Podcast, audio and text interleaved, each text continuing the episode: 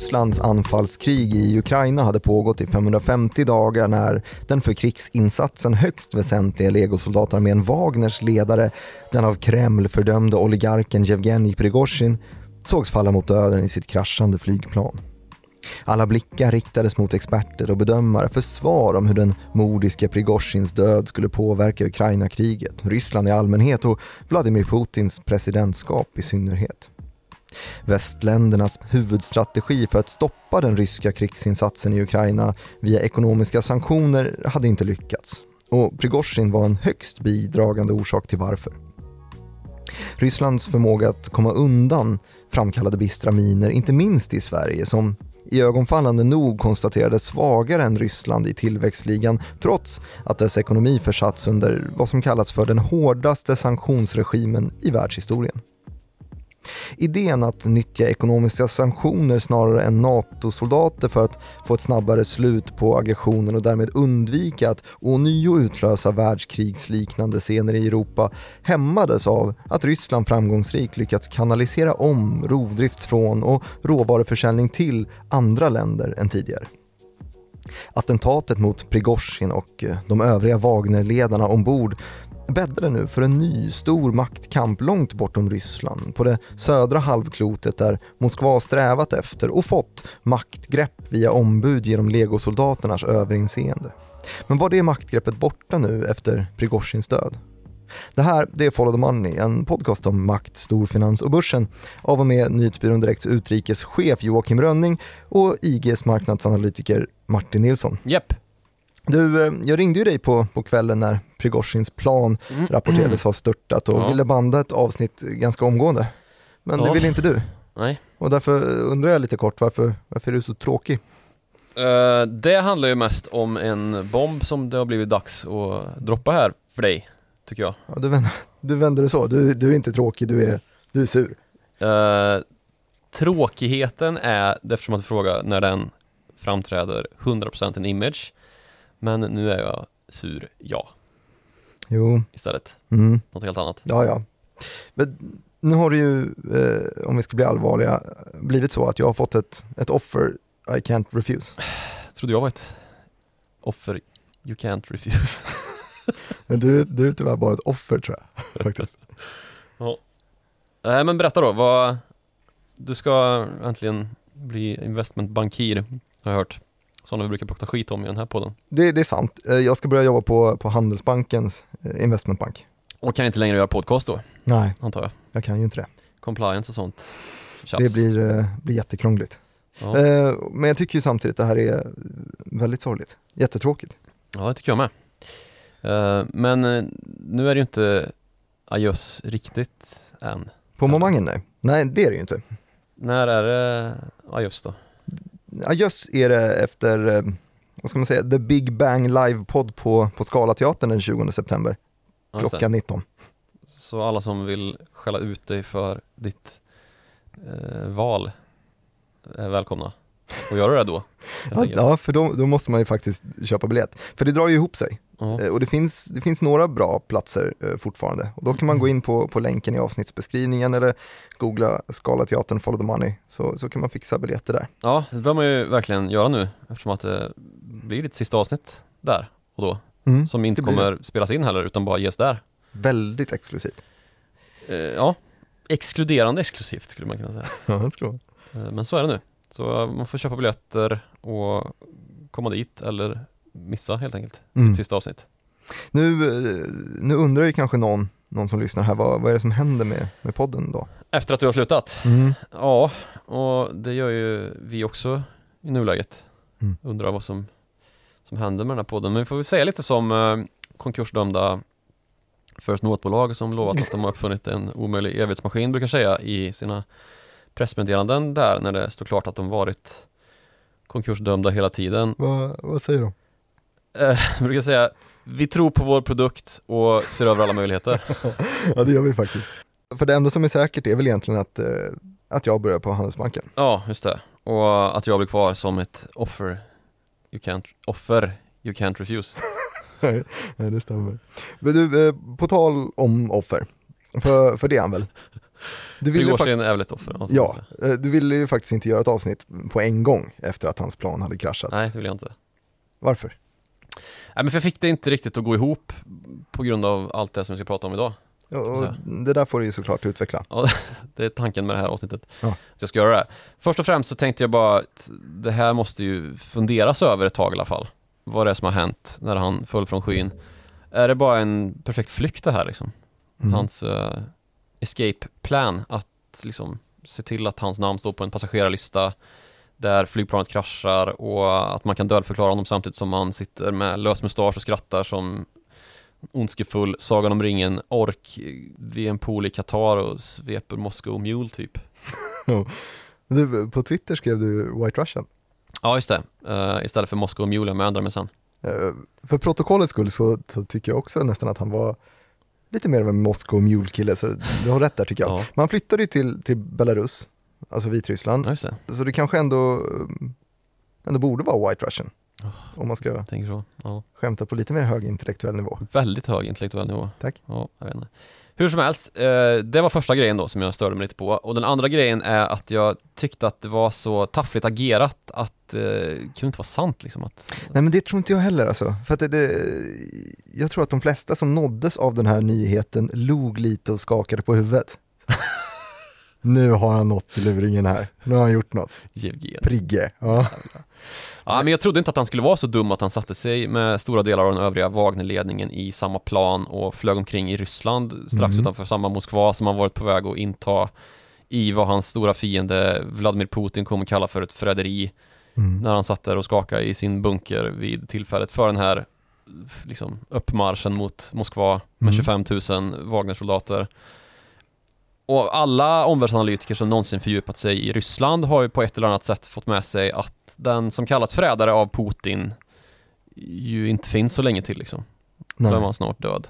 Därför var det så konstigt just att den här marschen mot Moskva märkligt avbröts och han flyttade till Belarus och allt var lugnt liksom. Ja, men det hade väl att göra med att han inte fick med sig tillräckligt med liksom, armébefäl och trupp att Mm. faktiskt göra den stora putschen liksom.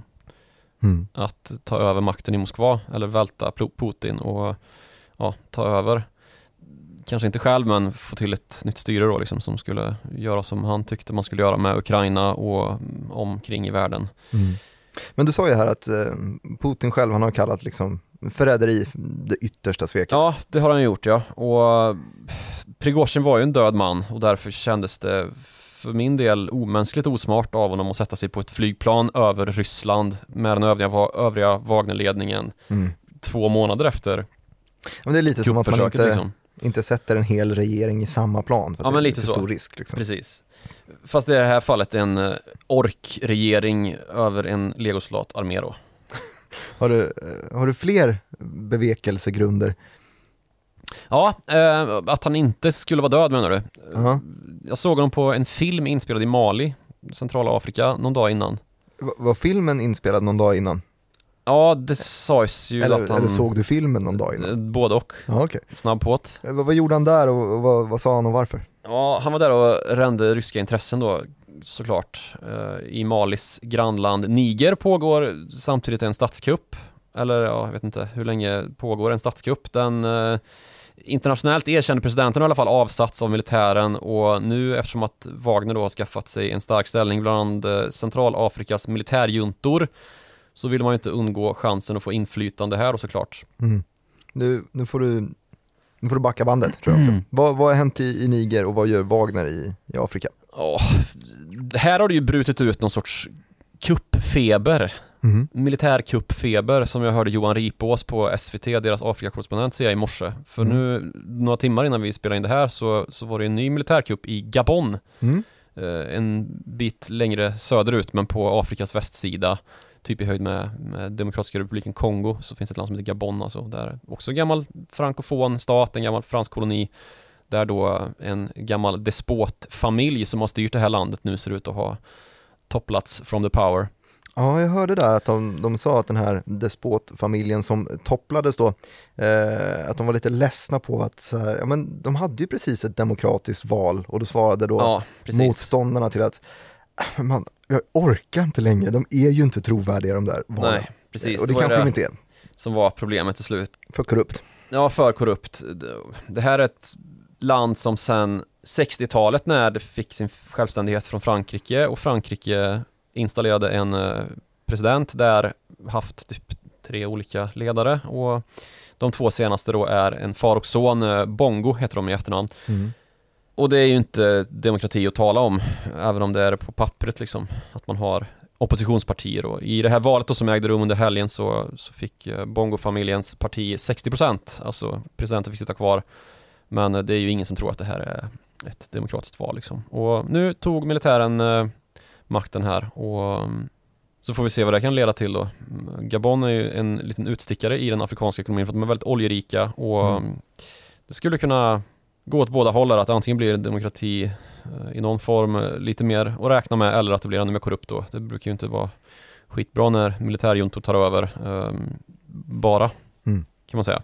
Eh, Om vi backar till, till Wagner också, det var det jag ville fråga om Ja, mest. precis. Du frågade om Niger och jag bara berättade om Gabon. Ja. Men det var ju för att det var så aktuellt det här. Men om vi tar eh, och utgår ifrån Wagner då, så är ju det en legosoldatarmé som främst eh, säljer säkerhets och militärtjänster till militärdiktaturer och andra auktoritära stater då, mest notabelt Ryssland såklart, eftersom att man har gjort sig sitt stora namn i världen som köttkvarns anfallande legosoldatarmé för rysk räkning i Ukraina ju. Mm.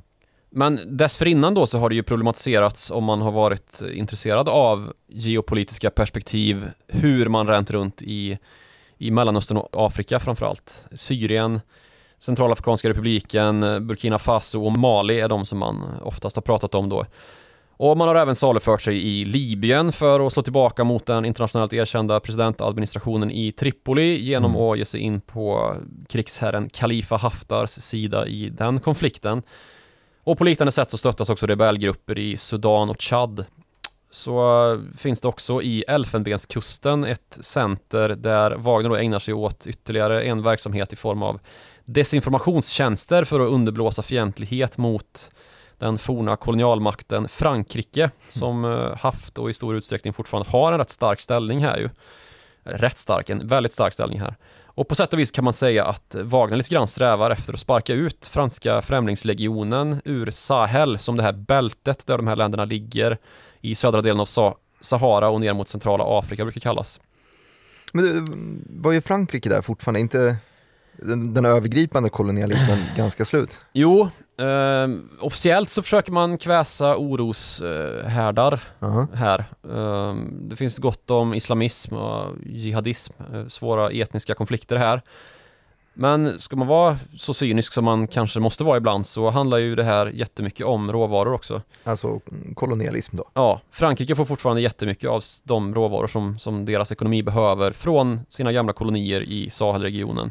Bland annat just Niger då. Eh, Och därför skickar man dit Främlingslegionen och bringar lite ordning när det behövs. Det har skett tiotals gånger sedan man slutade vara kolonialmakt på pappret och lät de här eh, länderna bli självständiga. Och det ses inte alltid med eh, så jättestor entusiasm hos lokalinvånarna då Nej. kan man ju kanske förstå. Och det här har då i sociala mediernas tidevarv kommit att utnyttjas av Wagners informationskrigföring som man inte pratar om lika mycket som man pratar om den militära krigföringen. Vilket Mm. kanske är rimligt men det pratades desto mer om det för några år sedan för Wagner har ju sitt eh, liksom, kontor för desinformationskrigföring globalt i Sankt Petersburg där man då bland annat bidrog till att ja, skänka presidentseger åt eh, Donald Trump ju 2016. Det har man erkänt att man var på Trump-sidan och påverkade så gott man kunde då för att eh, destabilisera USA som ju är huvudfienden Mm. i det stora hela.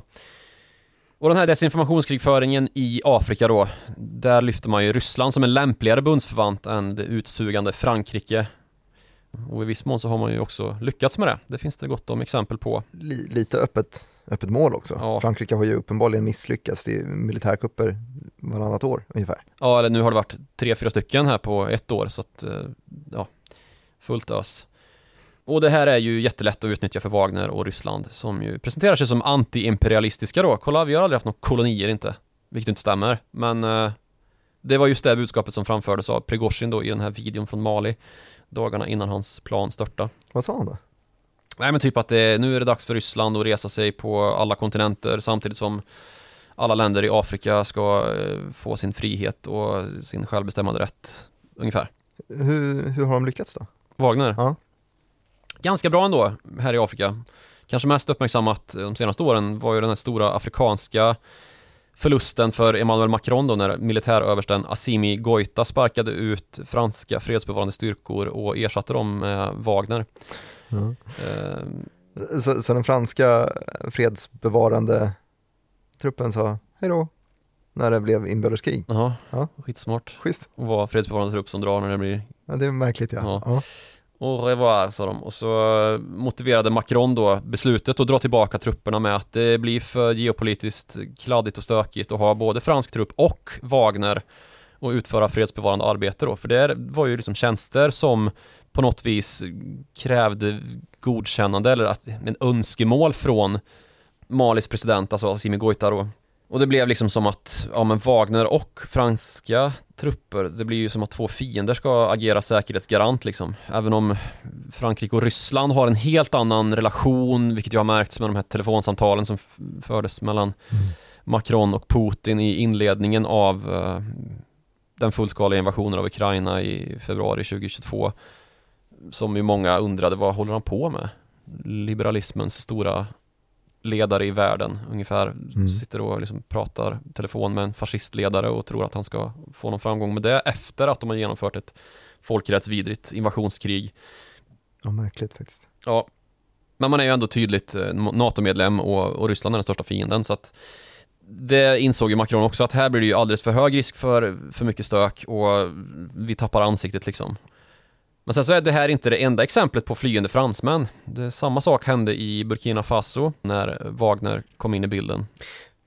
Du, jag vet ju svaret på den här frågan men jag vill ändå fråga, vad, vad är fördelarna med att ha Wagner istället för fransmän då? Alltså ur militärdiktatorns eh, vy. Jag tycker att du får lov att svara på frågan också om du säkerställer att du verkligen kan svaret. Ja, svaret då tänker jag är korruption, alltså det är mycket rörigare med demokratiska länder. Ja, Lättare med, med en privatarmé från Ryssland. Exakt, det är liksom en del av själva ersättningsmodellen hos eh, Wagner också, att man får suga ut råvaror och dela kakan med militärdiktatorn utan det här deklarationsintresset för vad man gör med pengarna liksom. Ja, är Eh, jobbigt. Ja, är det en demokratisk stat som ligger bakom säkerhetsgarantierna då, som Frankrike till exempel, då kan man ju såklart se till att det går att genomföra utvinning av vissa råvaror då.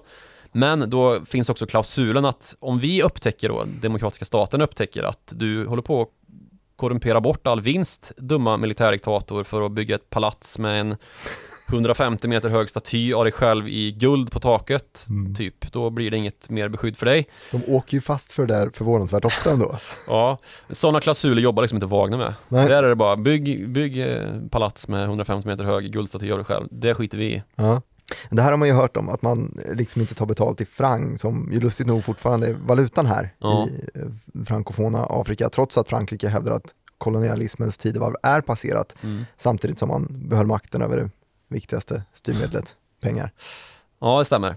En majoritet av de här ländernas statskassor finns ju dessutom i Frankrike, i franska banker, för det ingick liksom i avtalet när valutan upprättades. Och Mm. det här är jättekomplicerat för Frankrike och Macron att trassla sig ur.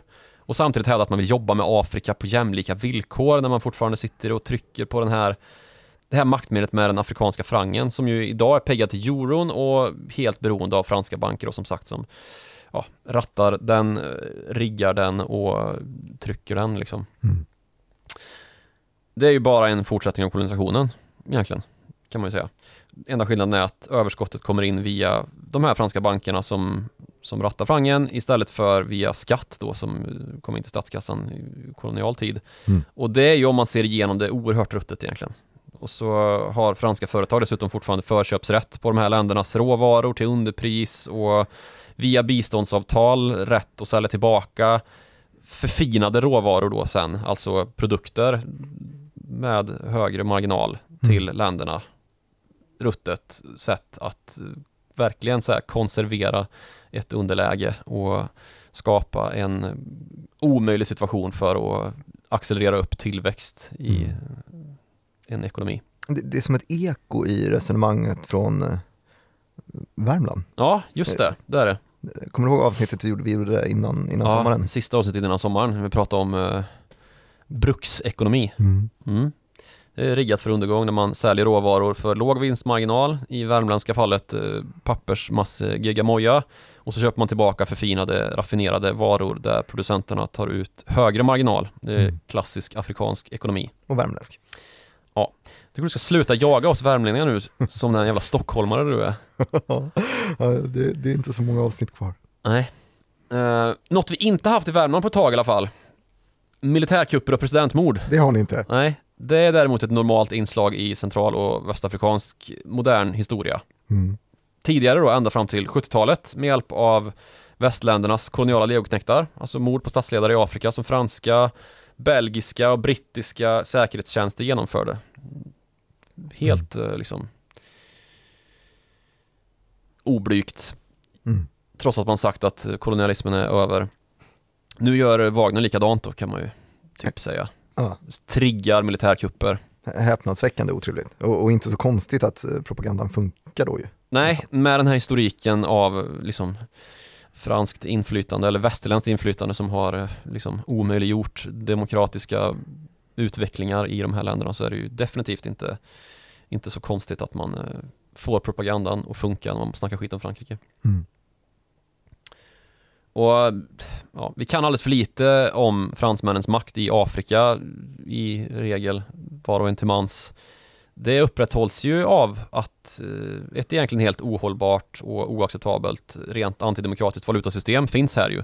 Som är franskt i grund och botten. Och det finns franska presidenter som till och med har erkänt att det är på det här sättet.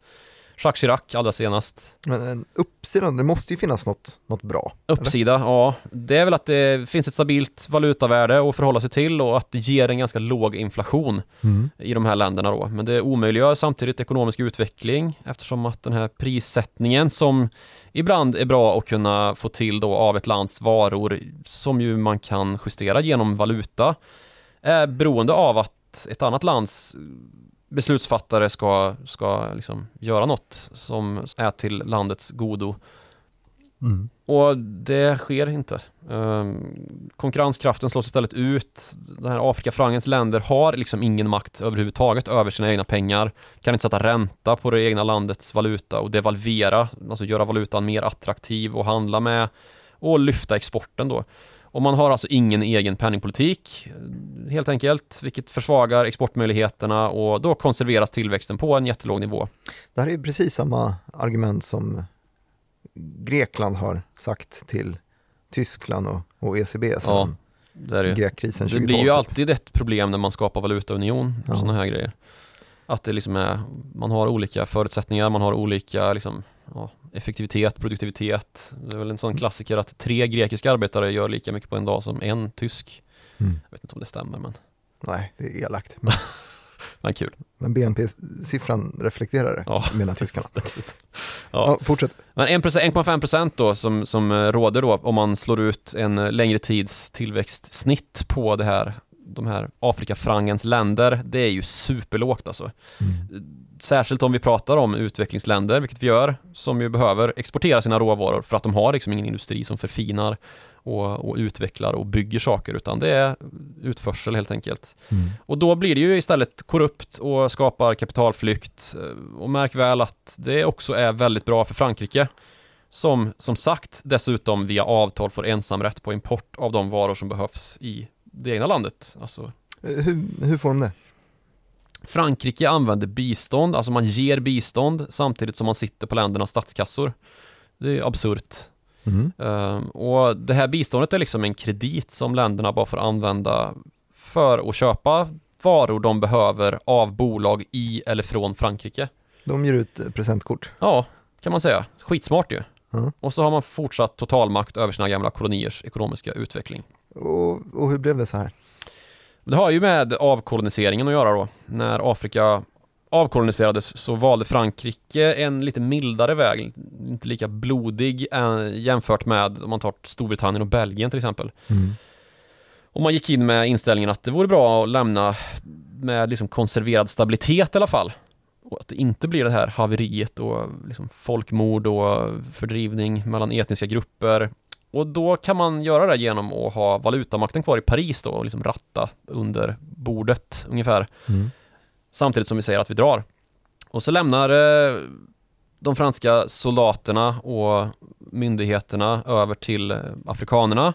Men valutamakten fanns kvar i Paris och de flesta för detta kolonierna gillade den här idén initialt. Men nu så har den ju blivit djupt, djupt omodern, odemokratisk och helt hämmande för ekonomisk utveckling. Mm. Och, och trots att vi ju faktiskt pratade en hel del om det här i vår Afrikaserie förra sommaren så Mm. är det ju helt häpnadsväckande Mm. nu när vi tar upp det här igen och drar det ytterligare ett varv. Ja, ska man säga. Så, så varför gör ingen något åt det om nu eh, Jacques Chirac till och med hade lyft det tidigare? Va, Ja. Vad är oppositionen liksom? Det borde finnas både lokalt och globalt, tänker jag. Ja, det finns absolut eh, opposition och nu börjar det lite smått hända grejer också. Pratas om att göra Ecovas till en valutazon till exempel. Då får du, får du eh, Ekova berätta vad det är. Ecovas, Just det. Economic Community of West African States, står det för. Mm. Det är de här länderna vi har pratat om eh, och några till. Men det tar ju tid och det är instabilt och det är olika, mycket instabilt i de här olika länderna dessutom så att det är ett slitigt att få till något. Mm. Och globalt då? Förutom Prigozjins armé då, då? Finns det inga länder som säger ifrån? Jo, det gör det också. Och med den ökade högerpopulismen i Europa, flyktingfobin, så har det höjts eh, röster i inte minst medelhavsländer om att Frankrike är att lasta för flyktingvågen från Afrika Mhm. i det då att man omöjliggör för länderna att komma på fötter genom sitt valutavälde och att det därigenom då inte är möjligt för de här länderna att livnära sina egna medborgare tillräckligt för att de ska liksom hålla sig kvar hemma och inte fly till Europa. Mhm. Och ja, det är som sagt lite körigt för liberalen Emmanuel Macron att förklara det här. Men sen är kritiken också lite missriktad kan man säga, för flyktingvågen är inte främst från eh, de frankofona länderna utan från Somalia och Eritrea, ju alltså östra Afrika och nu är vi ju i västra Afrika. Så det blev, ja, Luigi Di Maio, den högerpopulistiske femstjärnerörelsepolitikern Mhm. eh, från Italien han fick ju det tillbaka liksom att men du, Somalia är en gammal italiensk koloni så kom inte här liksom. Då var han tyst. Det är han aldrig men Då var han tystare. han fick väl tänka ett varv i alla fall. Ja. Innan han kom med nytt. Men om vi också kanske borde tänka ett varv till, för att vi började i Wagner och ska väl återblanda in dem igen tycker Mm. jag. De vill inte ha cash i utbyte mot beskydd eh, och eh, hjälp till militärjuntor i de här länderna. De Nej. vill inte ha några franc som måste växlas i, i franska banker Det antar var jag. ju skitkrångligt det. De vill ju först och främst ha råvaror istället. Mm, just det. Och, och nu tror jag alla fattar precis hur det här hänger ihop med Ukraina-kriget och varför Afrika blivit intressantare för Ryssland efter västvärldens sanktioner. Ja, det är ju glasklart att liksom Wagner tar helt enkelt betalt i råvaror och då pratar vi ju ädelmetaller, olja, diamanter eller vad som än finns att tillgå. Och det här har ju kommit att bli så pass lukrativt att Wagner gått ut med förslaget om en centralafrikansk konfederation över Sahelbältet då, från Guinea till Eritrea. Det är inte många västerländska bolag som sitter på koncessioner, alltså utvinningsrätter i, i de här länderna. Hur, Jo, hur funkar det då? Kommer Wagner att knacka på och snor? Nej, det mest handlar det nog om att man tar egna koncessioner i utbyte mot beskydd då för den som kan ge koncessioner, alltså regeringen i landet Mm. som ja, ofta blir då en militärdiktator. Och då till slut så har ju Wagner i princip helt egna gruvor i Afrika. Så därför vore det ju gött också då tycker Wagner om att bara vara tullfritt hela vägen till de viktiga marknadsplatserna för guld och ädelstenar i Dubai. Och därför vill man ha en ko- handelskonfederation i Sahel då som, som till och med inkluderar Eritrea och hamn då så att man kan föra ut till Mm. ja, Dubai och, och, och sådana här ställen då där man kan eh, som sagt handla med ädelstenar globalt. Just det. Nu, nu halkade vi ur Niger lite grann, när vi fastnade i Mali och sånt. Det, Ja. det lät på dig som att Prigozjins besök i Mali just hade med Niger att göra, eller? Ja, precis. För franska styrkor har ju jobbat med att slå tillbaka mot eh, jihadistiska terrorsekter i Sahelregionen i flera år. Och undan för undan så har den här desinformationsinsatsen från Wagner slagit rot då i takt med att fransmännens koloniala förflutna har återaktualiserats då Mm. av den här desinformations och propagandakampanjen. Så det blir reaktionen, vad gör ni här liksom, Mm. nu igen? Eh, Ska ni jaga ut islamisterna någon gång eller ska ni kolonisera och ha er nu igen? Era, vad man brukar kalla dem? Grodätare, Ja, utsugarjävlar som äter grodor, typ. Ja, och så har det misslyckats tillräckligt länge för att den lokala militären griper makten och, och kräver rysk hjälp istället. Är det det som sker? Ja, eh, Niger är alltså den liksom stora mm, aktuella militärkuppen där just nu Mm. fram tills idag då med Gabon, men Gabon är betydligt längre söderut så vi, känns, vi kan ha pratat färdigt om den. Och Niger då, här slåss nu då världsmakterna om att få, eller få tillbaka inflytandet. Och allmänt kan vi väl nästan se det här som nästa bricka i Wagners Afrikaspel då, efter att Mali och Burkina Faso fallit i deras händer i exakt samma händelseförlopp Mm. Med då militärkupper efter anti-islamistinsatser från Frankrike.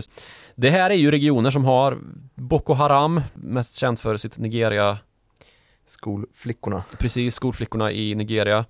Och så har vi IS och Al-Qaida, de här är ju också i Sahel liksom.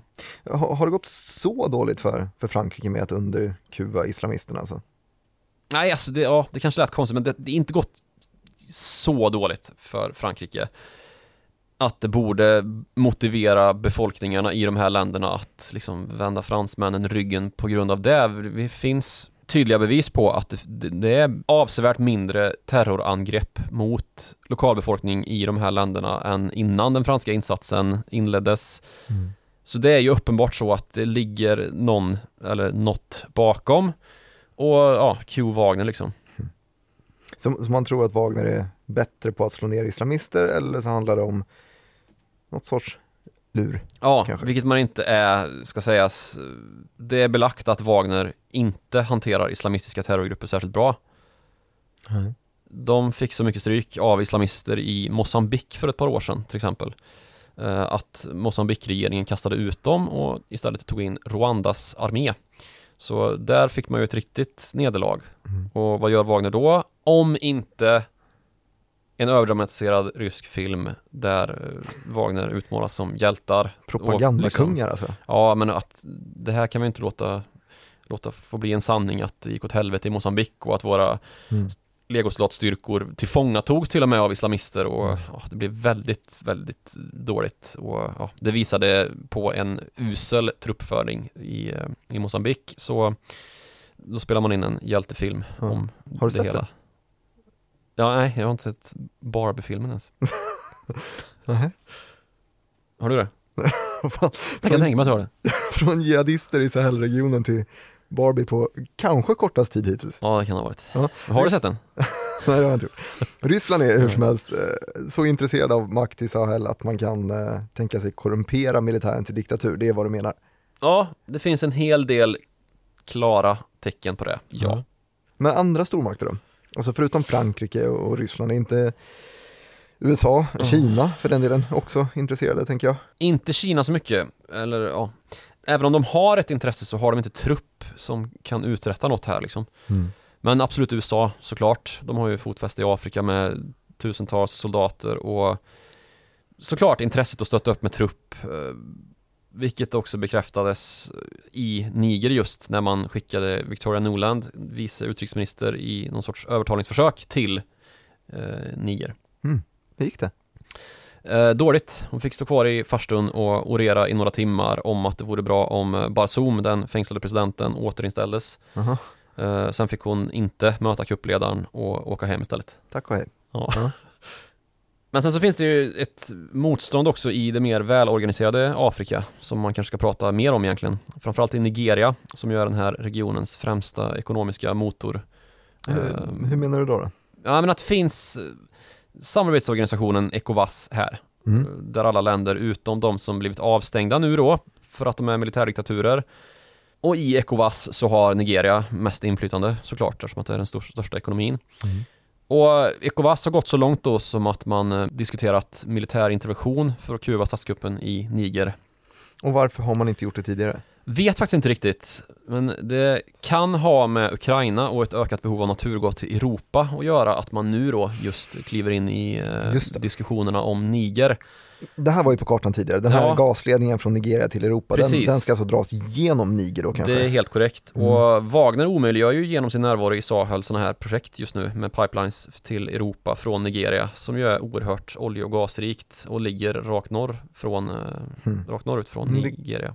Kan man ju tänka sig. Ja. Och de kan inte sälja till, till Kina? Nigeria? Ja, om, Eh, om Wagner kommer att muta dem också kanske? Jo, det kan de väl, men här finns det också en intressekonflikt då eftersom att Ryssland ju vill sälja all gas och olja de har till Kina redan. Och om Nigeria ska sälja dit så blir det mindre olja eller lägre marginal på den råvara som kan säljas eftersom att priset sjunker då. Mm. Högre utbud, lägre marginal. Just det, den grafen. Mm, Mm. Just det. Det blir bara krångligt för Ryssland och andra involverade. Eh, gör man det därför krångligt för. Mm. Och därför tror jag inte att det är liksom så sannolikt att Wagner kommer börja ge några invägar till Kina. Någon sorts skyddslösning för kinesiskt inflytande i Afrika är ju annars tänkbart då att ja, men, ja, men ni är ju våra socialists, socialist brothers. Det är en gammal idé det där om att Sovjet och Kina, de var polare. Det Mm. var de inte. Nej, De var ju fan ärkefiender med olika typer av socialism, med maoism och stalinism och leninism och hit och ja, dit. det var ju det som fick lära oss att det var skillnad på kommunism och kommunism. Precis. Och det är en långtgående konflikt som nog kommer återkomma framåt i historien. Mm. Östra Sibirien är en spännande fråga till exempel. Ja. Gammalt kinesiskt territorium som ja, potentiellt skulle kunna röra till det framgent. Mm. Om det fortsätter att gå dåligt för Ryssland och bra för Kina, vilket man ju ändå får säga att det gör trots att det just nu ser lite stökigt ut med fastighetsmarknad och så vidare. Mm. Så med det taget i akt då att Wagner nog inte, om man skulle dra den hypotesen som någon sorts slutsats, att Wagner inte kommer ge massa beskydd åt Kina i Afrika, så behöver ju Kina upprätta egen militär närvaro i Afrika. eh, Och, Och det det- har de väl bara den lilla längst i öst, vad heter det? Djibouti, precis, där intill eh, Röda havet som ju är en så viktig farled upp mot Suezkanalen och sådär. Mm. Men så finns det såklart massa planer på fler militärbaser och det har rapporterats om försök då att kinesiska regeringen försöker nå överenskommelser med andra afrikanska länder utan att ha lyckats hittills. Och då, då är det ju västra Afrika som, som först och främst är intressant. Mm. Och, och det kanske inte känns som att Kina är i, i Afrika för att sno grejer heller. Det är inte deras storpolitiska strategi eller? Som Wagner gör. Nej men det stämmer Eller? ju. Eller som Wagner gör. Som, som Wagner och europeer har gjort i största allmänhet eh, genom historien. Jaha. Det stämmer, alltså Kina vill ju sälja sig självt istället nu när man har snott från de som snott från Afrika, typ. Snott från snott, just, ja. Ja, Europa då främst. Man ska inte kalla USA för Afrika imperialistiskt på det sättet. Det är Europa som är att klandra här. Men Kinas väg framåt har ju varit stölder av IP-rättigheter i rika länder de senaste 40 åren. Mm. Alltså intellektuella tillgångar som ritningar av varor som man sedan massproducerat i sina fabriker och sålt för en spottstyver tillbaka till västerlänningarna då. Men ändå med vinst. Mm. Så har man drivit upp landet ur fattigdom och blivit världens näst största ekonomi och fått en stark röst i världen liksom. det har man. Problemet är ju nu då att Kina är svårt skuldsatt och behöver intäkter för att inte implodera på lite längre sikt. Och då är det ju prima att ha sådana stora framtidsländer som finns i Afrika som kunder. Mm. Precis som det är att upprätta infrastrukturförbindelser genom Asien då för att nå Europa landvägen samtidigt. Och där också kunna sälja en massa infrastrukturtjänster till de länder där den här länken ska byggas. Och då pratar vi ju hela Centralasien egentligen. Mm. Så Kina försöker helt enkelt prångla ut sina krediter på världen från sin högt skuldsatta ekonomi genom att sälja ingenjörskonst och arbete via kinesiska bygg och anläggningsföretag då till exempel. Du vågar ändå kalla Afrikas länder för framtidsländer, är du, är du säker på det? Ja, det är jag fan helt säker på. Ehm, I alla fall om vi ska tro på den här världens ekonomi överhuvudtaget. Är du och Rosling, må han vila i frid. Ro- Ja just det, Hans Rosling ja. Ja. Ja, nej men eh, världen har liksom ingen långsiktig tillväxt utan Afrika. Givet demografiproblemen vi har med en eh, liksom befolkningsökning som är explosiv i Afrika samtidigt som västvärlden och Asien helt har gått i däck med för få unga och för många gamla som inte arbetar längre. Mm. Så Afrika är lösningen på ett av världsekonomins största hot och jag tror att vi kommer få liksom behöva förhålla oss till det ganska snart. Och det här är också en väldigt betydande anledning till varför Frankrike vägrar släppa greppet om sitt valutavälde över de här gamla kolonierna. För franskan kommer om, eh, alltså språket, om befolkningstillväxten blir som väntat, bli ännu mer av ett av världens mest talade språk. Alltså ta över någon sorts roll som engelskan har idag om Emmanuel Macron får som han tror i sina drömmar i alla fall. Så det blir tillbaka till fransk hegemoni som på Ja. vad är det, 1800, 1700? Jag vet Ja, inte. Napoleon Ja, 1800, Där, 1800. mest. Ja. Eh, precis. Då pratar man franska. Men i alla fall, givet att flera av huvudstäderna i den här regionen kommer vara bland de största städerna i världen om 60-70 år, om allt blir som förväntat då enligt statistikernas förutsägelser, Mm.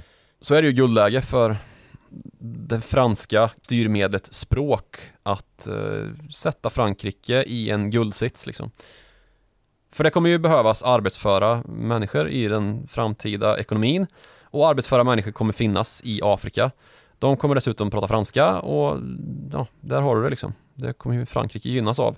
Och det finns en kulturell mjuk makt som Frankrike vill ha här. Kanske den delen som sticker ut då, den här mjuka delen av maktutövningen i, i frankofona Afrika. Det är ju någonting som eh, Wagners legoknektar inte riktigt kan rå på va? Nej, eh, och vad värre är ur ett ryskt imperialistperspektiv Dmitrij Utkin, den egentliga befälhavaren över eh, Wagnerstyrkorna Mm. Han fanns ju också med på det här Embraer-planet mellan Moskva och Petersburg som singlade ner i den här ryska byn Mm.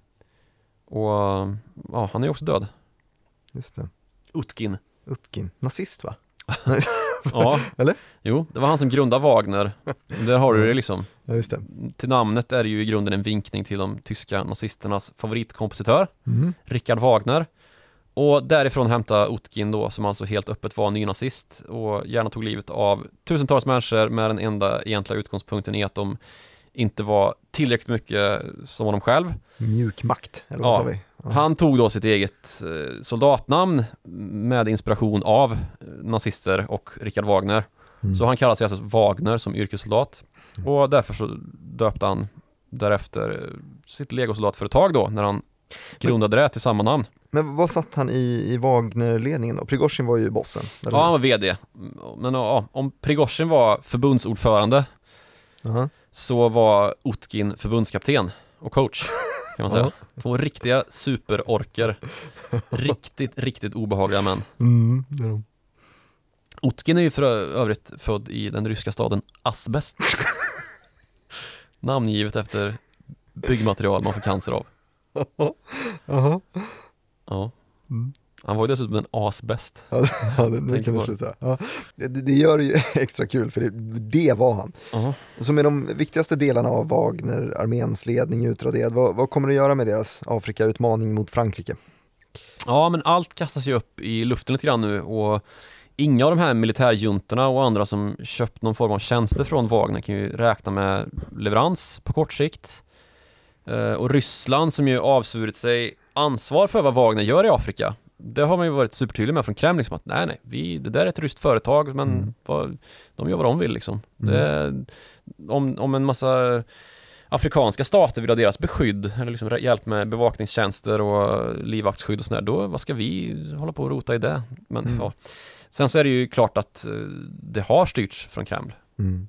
Det finns ett, liksom en koppling och nu har nog Kreml eh, anledning att visa ganska snart om man menar business med engagemanget i Afrika och ja, Kommer, kommer Niger, Mali, Centralafrikanska republiken, Burkina Faso, kommer de krypa till korset i, i Ecowas och be om att få den här avstängningen hävd då, eller vad händer? Ja, om man inte vill liksom eh, helt hoppa på, hoppa på Rysslands imperialistidé och köra vidare på den eh. Då är det ju som man får göra, men jag vet inte. Det är ju svårt det här. De har ju liksom samtidigt bränt sina broar tillbaka till sina grannländer Och ja, men på kort sikt så får de väl snarast då hoppas på att eh, GRU tar över Wagner eller något. GRU som är eh, Rysslands CIA skulle Ja, man kunna säga, den, den här militära underrättelsetjänsten. Mm. Rysslands MUST. Must ja. Ett gulligare namn, tycker jag. Jag tycker svenska säkerhetstjänster har så sjukt fula namn. Säpo och MUST. Det är inte mycket glamour över det. Nej. Inget man gör agentfilmer om. Det är ju, på tal om det, lite mjukt makt. Den här filmen om, om Mosambik som Mm. Wagner försökte trycka in. Ja, Så, lite sådana strängar på sin propagandalyra har de. ja absolut. Det har de. Men nu, nu hade du ju inte sett filmen, eller hur det var. Det har jag inte. Men Barbie däremot. Har jag inte heller sett. Nej. Till skillnad från dig. Tillbaka till GRU.